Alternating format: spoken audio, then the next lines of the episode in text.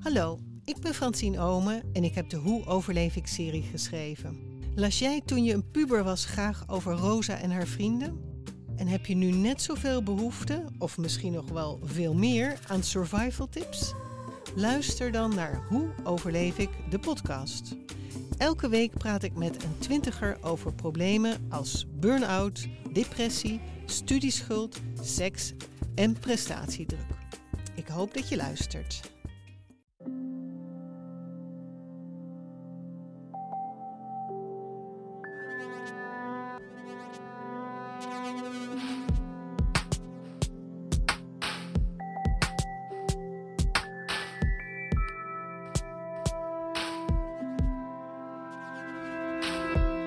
Hallo, ik ben Pieter van Relaas.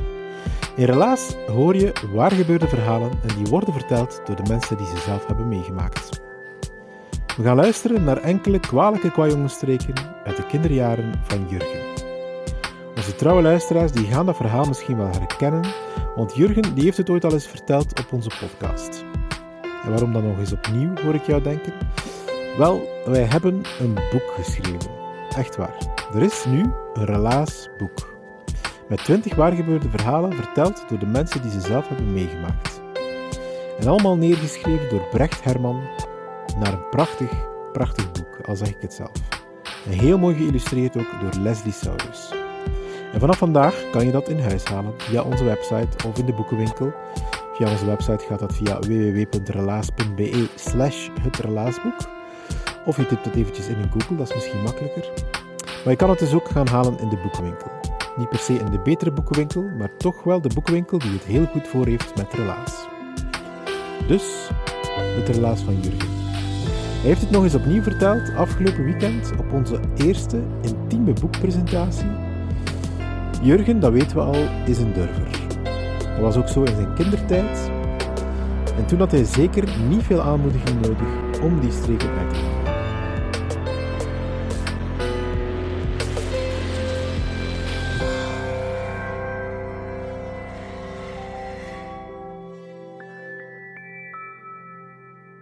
Als ik ehm, terugdenk aan mijn kindertijd, mijn lagere schooltijd, dan, dan denk ik terug aan mijn neeftijl. En dan denk ik ook terug aan lange zomers uh, bij mijn, mee en pp. En uh, mijn pp, dat was, uh, dat was een timmerman.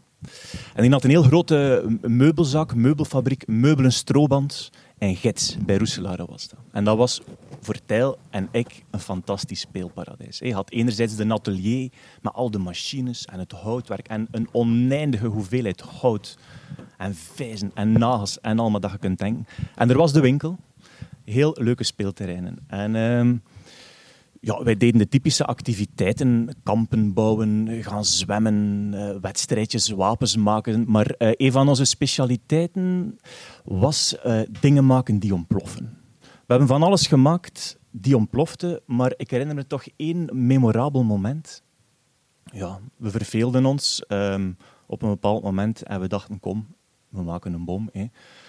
Um, en in de atelier van mijn grootvader naast de, de, de timmerwerkband stond er een, een, een groot rek met allerlei producten op. Vooral heel veel onvlambare producten. En we hebben ons, we hebben ons daar een lege verfpot uh, gezocht, een redelijke, een redelijke grote. En we zijn gaan kijken naar al de producten waar er een vlammetje op stond. En, en alles die kon ontploffen, dat hebben we erin gekapt. Totdat die pot helemaal vol zat. En toen, ja, toen moesten we natuurlijk nog tot ontploffing kunnen laten brengen. Dus moesten we een lont maken. Uh, hebben wij een lont gemaakt van een, ik denk een stuk laken of zo, dat je naft gedrenkt. En uh, we zijn naar buiten gegaan, hebben die dat bom daar gezet. En op een of andere manier lukte dat niet om die, om, om die lont te laten gaan en dat die bom ontplofte. Dus ja, we moesten we allerlei ideeën verzinnen van hoe kunnen we dat nu doen. Dat, ja, op de grond leggen, dat werkt niet. Op steen, dat werkt niet. Op een bepaald moment hebben we dat in een boom gezet, om dat zo van beneden naar boven die lont te laten gaan. Dat werkte ook niet. En op een bepaald moment ik weet niet meer hoe dat we op het idee zijn gekomen, zitten we in de tuin van de buren van mijn grootouders. Uh, helemaal van achter, uh, in het kippenkot. Allee, zo, zo, waarom dat we daar zijn gekropen, geen idee. Maar dus ja, op een bepaald moment, uh, die lont was ook al veel korter geworden. Die werd maar korter en korter en korter, dat we op een bepaald moment eigenlijk met onze aansteker bijna tegen, tegen die pot met ontvlambare dingen zaten. En inderdaad, op een bepaald moment komt er een steekvlam van, ik denk zonder overdrijven, 6, 7 meter uit. Die nof schiet in de fik, helemaal in paniek. Ja, ik was op dat moment, ik denk derde studiejaar of zoiets. We moeten gaan zeggen dat we mee aan PP. En, en mijn neef, drie jaar ouder, hè, iets verstandiger. Nee, Jurgen, blijft hier. Uh, we gaan dat samen uitstampen. Nou, we zijn dat beginnen uitstampen en we hebben dat uitgekregen. En echt, like in, in de tekenfilms, helemaal zwart geblakerd, met zwarte V, gaan we terug bij me mee en PP binnen. En, en, en ze kijkt naar ons en wat is er gebeurd met jullie? Ah ja, uh, we, we, zijn in een boom gevallen. Ja, en die geloofde dat.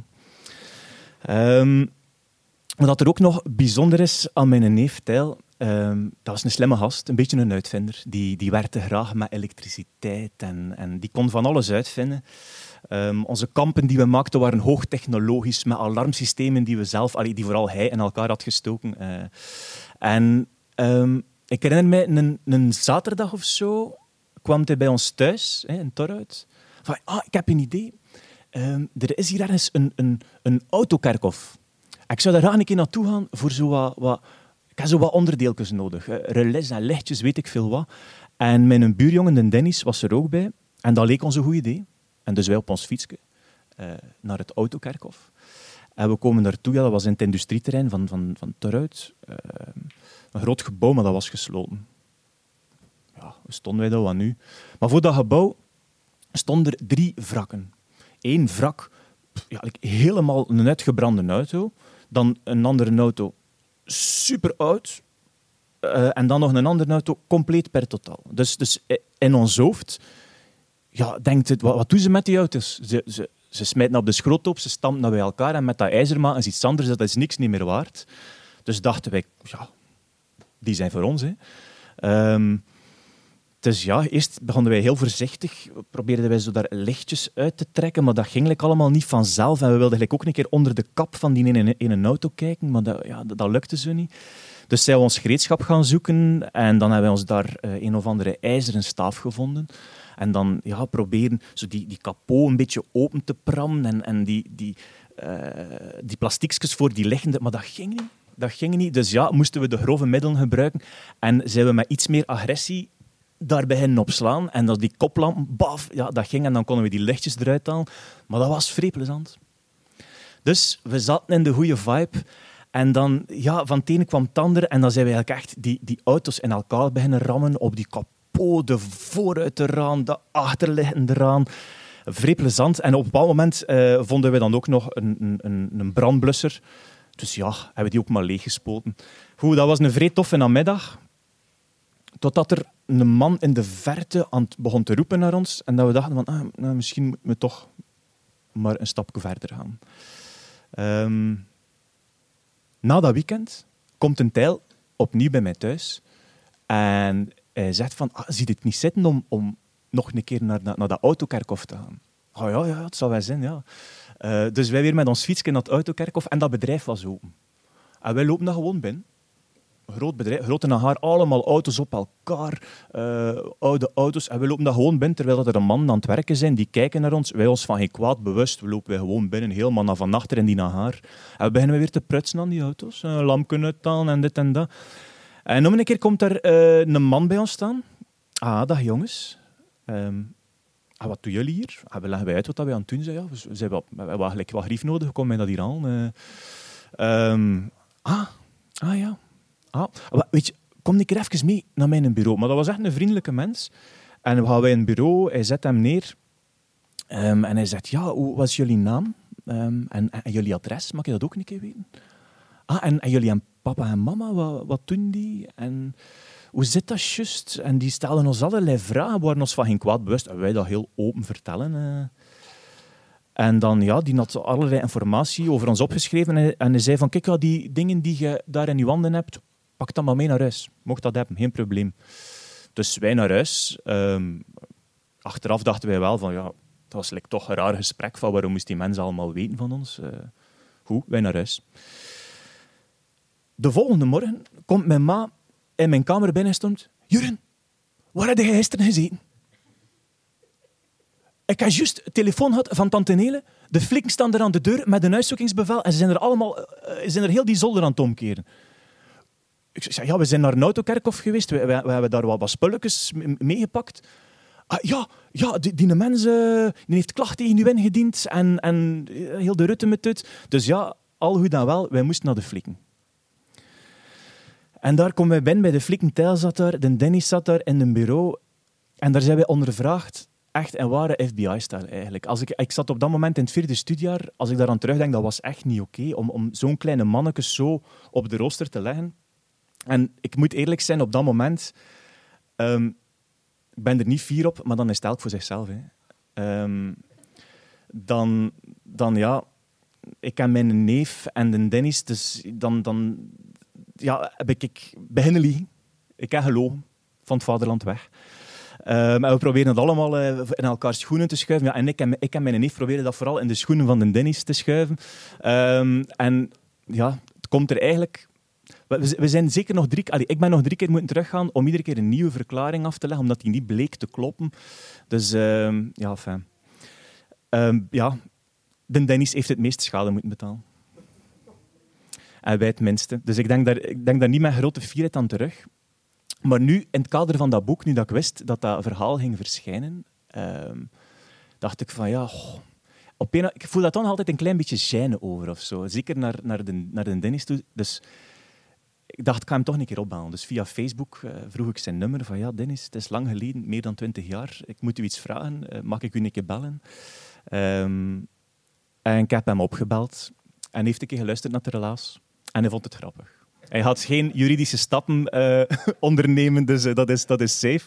Maar ik dacht ook in, in het kader van, van, van het verhaal, leek het mij wel tof om misschien een keer de hoofdrolspeler naast mezelf ook hier uit te nodigen. En ik zou graag voorstellen aan de Snowdaard het stuk krapul Mijn neef Tijl.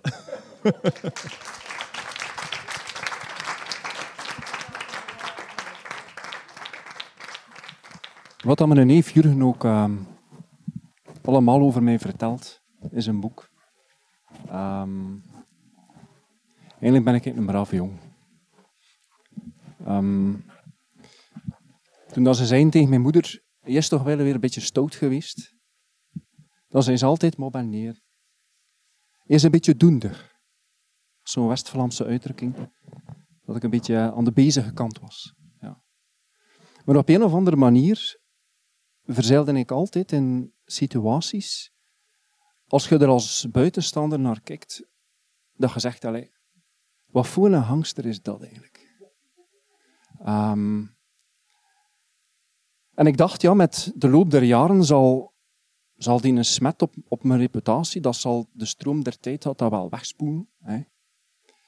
Totdat er een of andere mens in zijn hoofd krijgt om uit de biecht te klappen. Um, dus nu dat ik hier toch zit, kan ik me beter van de eerste keer bekennen. Um, het probleem was eigenlijk dat ik altijd wel een of ander idee had om een spannend experiment of een probeersel te doen, een avontuur, iets dat in het oog, van kinderen plezant is. En uh, ja, gelijk van eigen is aan kinderen. Je denkt niet genoeg na over wat dat er allemaal kan gebeuren. Uh, zeker niet over de ernstige gevolgen dat dat kan hebben. Uh, ik moet zeggen, dat als ik er nu over nadenk, het aantal keren dat ik mezelf of iemand anders echt ernstige letsel had kunnen toebrengen, dat is echt niet oké.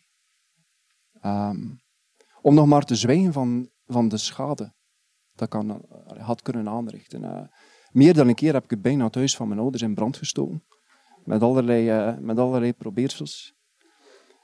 En, en dat kwam eigenlijk omdat er een soort uh, fascinatie ontstond voor alles dat elektriek was.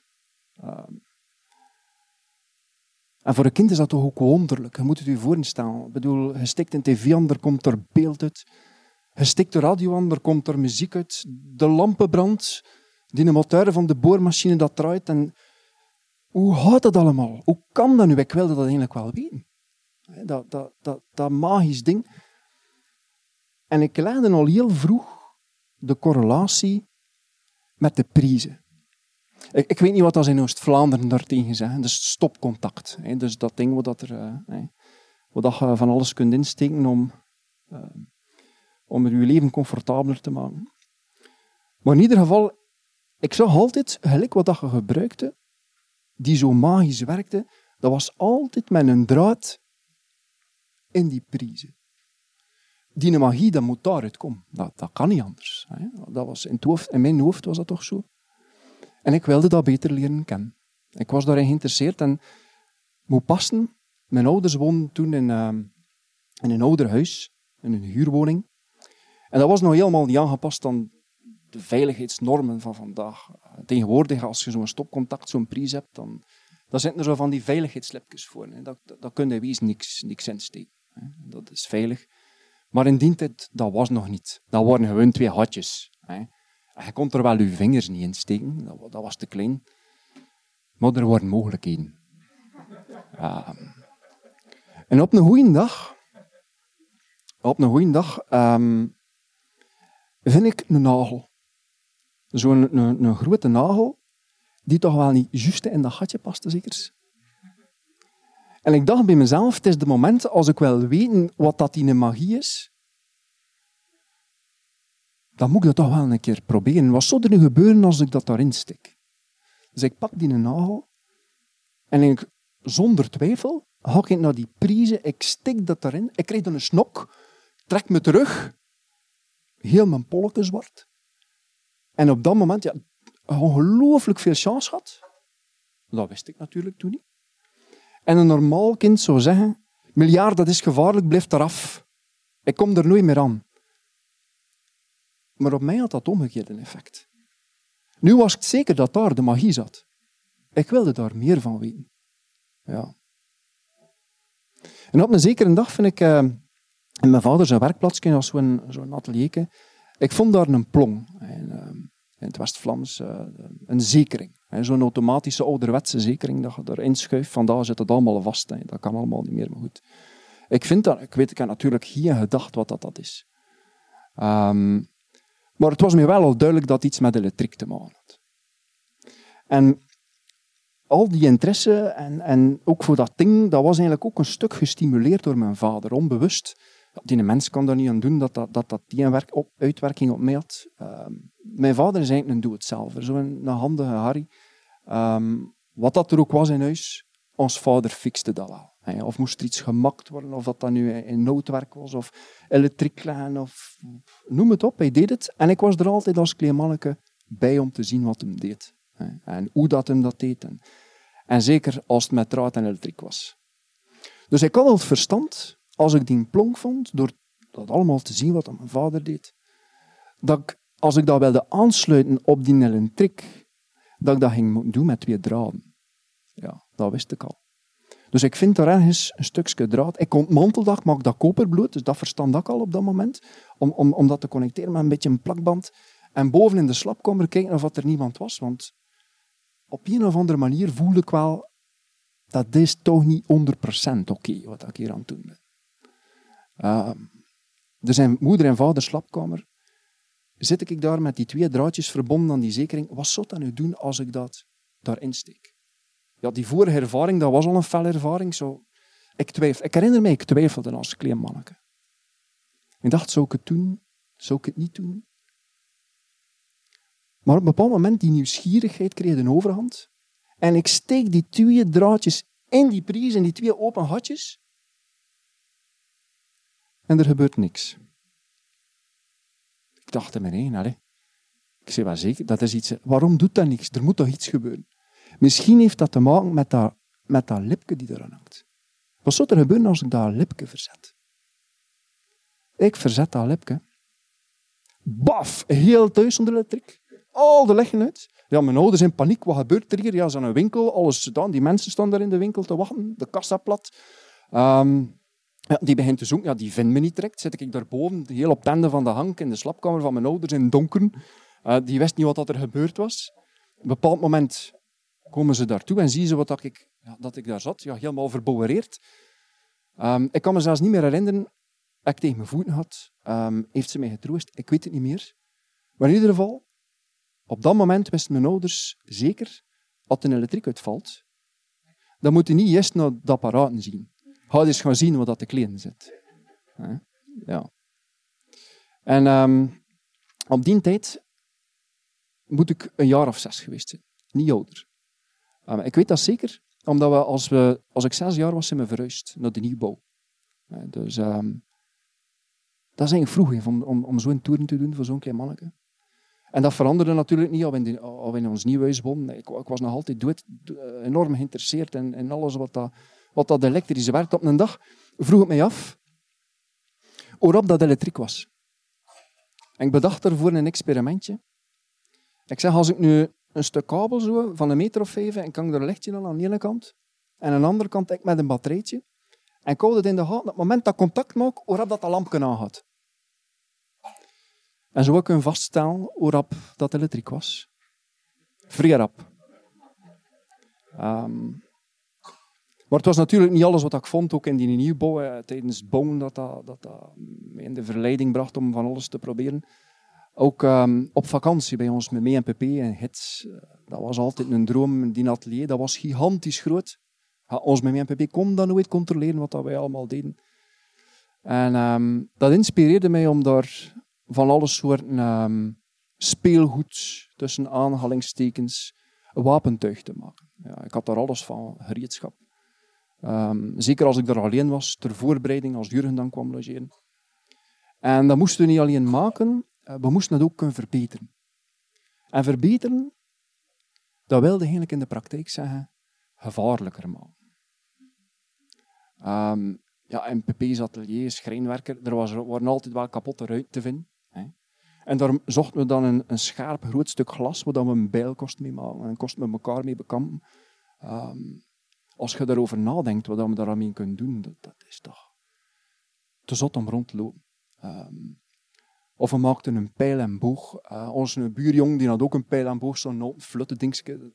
Daar kon er niks mee aanvangen. Pepe is een atelier dat er van die stalen staven, dat was nogal buigzaam. Daar konden echt een krachtige boog mee maken. Ook onze pijlen in, in metalen profielen met een scherpe punt, dat kon veel beter zijn baan houden. Dat was echt... Uh, dat was echt de moeite. Ja. En dat materiaal, dat smokkelde dan mee. Als we samen met me mee naar een buitenverblijf gingen in Oostuinkerken. Dat was echt... Uh, ze hadden daar zo een, een, een, woning, juist aan de duinen, met een, met een heel stuk duin er bij, speelparadijs. Dat was zo'n vlak stuk. En dan een heuvel, en dan nog een vlak stuk, iets heuvelachtiger, ruiger, met, met doornstruiken en bomen en van alles, een speelparadijs. En vooral, dat lag achter die heuvel ons mee kon dat niet zien. Um, en we weten, ons mee, dat is een sergeant. Dus één ding was altijd duidelijk, al aan de zee worden, met wie was een baas. Punt gedaan. Dus het enige dat je kon doen, nog iets wel uitsteken, dat was uitzicht blijven. En dat deden we dan ook, zoveel mogelijk. En we holden die een berg uit aan de andere kant, waar dat ze niet kon zien. Zo. Um, en we maakten daar ons kamp. We, versterkten dat met, met uh, met een, een, een, houten balustrade van, van wat hout dat een PP had meegebracht en wat palettenhout en zo. En um, dat speelden we dan. En met tweeën, ja, wat kun je doen? Hè? De een was de verdediger van het kamp en de andere een aanvaller. En dan draaiden we dan een keer om en dan moesten we proberen eh, dat, kamp te veroveren. Met al onze wapens dan man, levensgevaarlijk dikwijls. En op een zekere keer was Jurgen, was Jurgen de verdediger. En ik moest dat kamp kunnen veroveren. En op een onbewaakt moment zeg het is hier het is hier de goede moment. Ik ga hem hier gaan hebben. Ik pak hem een speer, zo'n zwaar geval in hardhout. En ik gooi dat naar hem toe. Maar geen kwaad bedoeling natuurlijk. Hè. Maar ik tref hem. Ik tref hem juist op zijn jukbeen. Zo'n centimeter of twee onder zijn oog. Als je erover nadenkt, Jurgen. Het kost je hoog kwijt, man. Dat was echt, uh, dat was echt niet oké. Maar we waren er ook niet alleen. Hè. Soms moesten we met twee spelen, maar, maar soms... Er was er ook... Um, er was er ook een buurjongen, de David. Die mens was zich van geen kwaad bewust wat dat wij soms allemaal deden. Um, hij wilde graag meespelen, dus waarom niet? Hoe meer ziel, hoe meer vrucht, dachten we. En we wilden graag een spelletje doen met de fiets. het probleem was, we hadden maar één fiets. Wat kunnen we nu gaan doen met drie gasten met, één fiets? Dus, um, maar we vonden er wel iets op. Er was zo'n um, een langstok oprit langs, uh, langs de woning, waar dan bij mij ons niet kon zien. En um, we bedachten een spel, er moet één van ons drieën, beurtelings, snel fietsen. En dan van achter thuis moeten de anderen zonder hem aan te raken en proberen doen stoppen. Maar gelijk wat, gebruik je fantasie. Hè. En zolang of dat hem niet van zijn fietsje te krijgen is, dan wint hem en dan blijft hem fietsen. En David was de eerste die ging fietsen. En wij moesten hem van zijn fiets proberen krijgen. Dus de jongen stormt daar voorbij, proberen hem met stien smeten, zand in zijn ogen smeten. Alles wat hij me kon bedenken om hem van die fiets te, te, te vallen, maar dat lukte dus niet. Dat was een beetje frustrerend achter een ende. En moet er toch iets op vinden. Ik zeg tegen Jurgen, um, moest me nu een een stok in zijn wiel steken, in zijn voorwiel. Um, zo gezegd, zo gedaan. Die jongen komt eraf gestompt met zijn fiets, met die stok. En dat wiel, dat stokje was te licht, dat versplinterde. Allee, heel weer gewoon. Ben je in mijn één, ja. We gaan moeten een, een steviger stok pakken. Om dat wiel te doen blokkeren, dat, dat er hard stinkt, dat wiel blokkeert, allee, dat, dat moet dat die, die, die velo doen stoppen. We proberen dat, komt afgestormd. We proberen die stok erin te krijgen, dat lukt dus niet. Dat wiel draaide gewoon te rap. Dat grapte niet tussen die spaken, dat sloeg weg. En dan weer gewoon. Ja, dat kostte dus niet zin. Hè. Um, dat hem heel tijd won. Daar moest, daar, daar, moest ik iets op vinden. En ik kan in de garage, in de garage een stuk, um, een stuk lattenstoerkoorden zien. Ken je dat? Hè? Wat zeggen ze er tegen in Oost-Vlaanderen? Uh, rolluiken. Hè? Zo van die mechanische rolluiken. Dat doet zo naar boven en naar beneden. tegenwoordig is dat al elektrisch. Hè? Met zo'n van die dikke, sterke kunststof koord. Ik had zo van die stuk, zo'n stuk gevonden in, in, de, in de garage.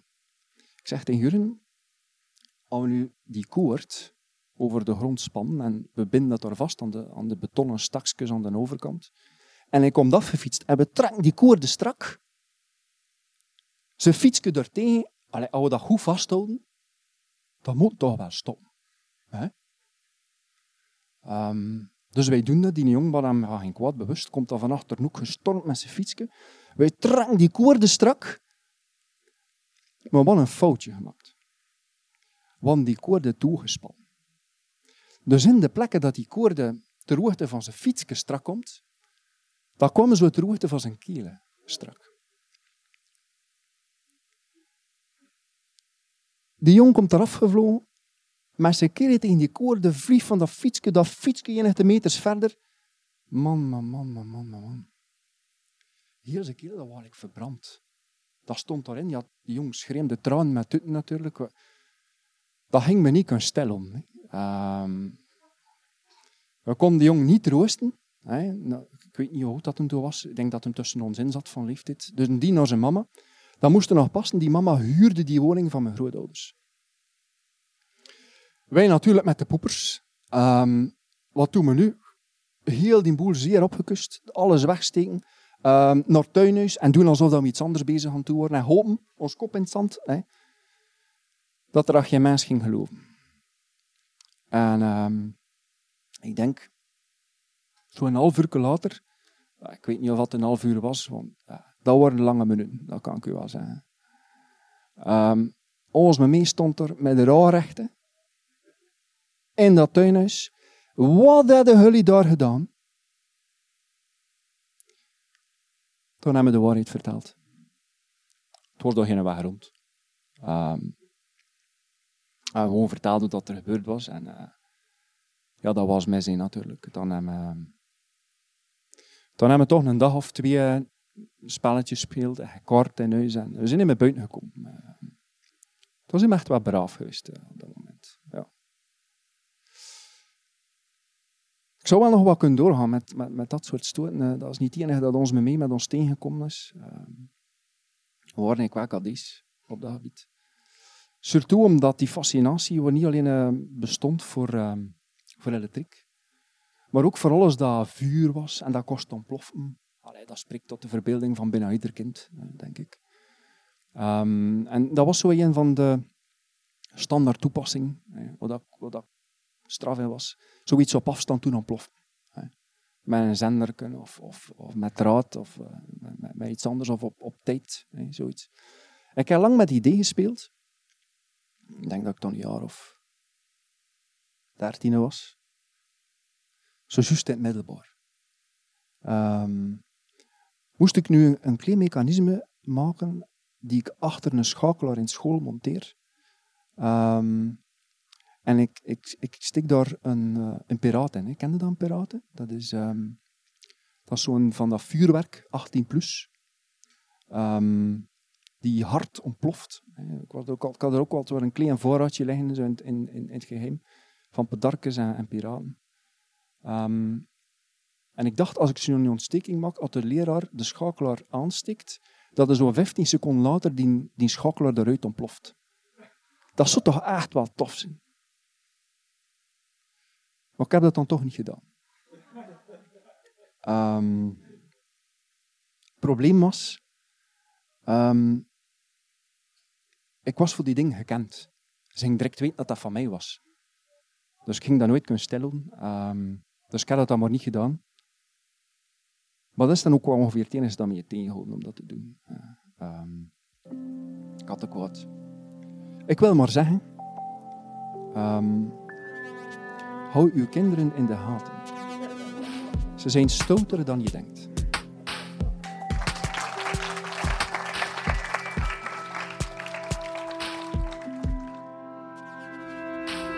Dat was het relaas van Jurgen.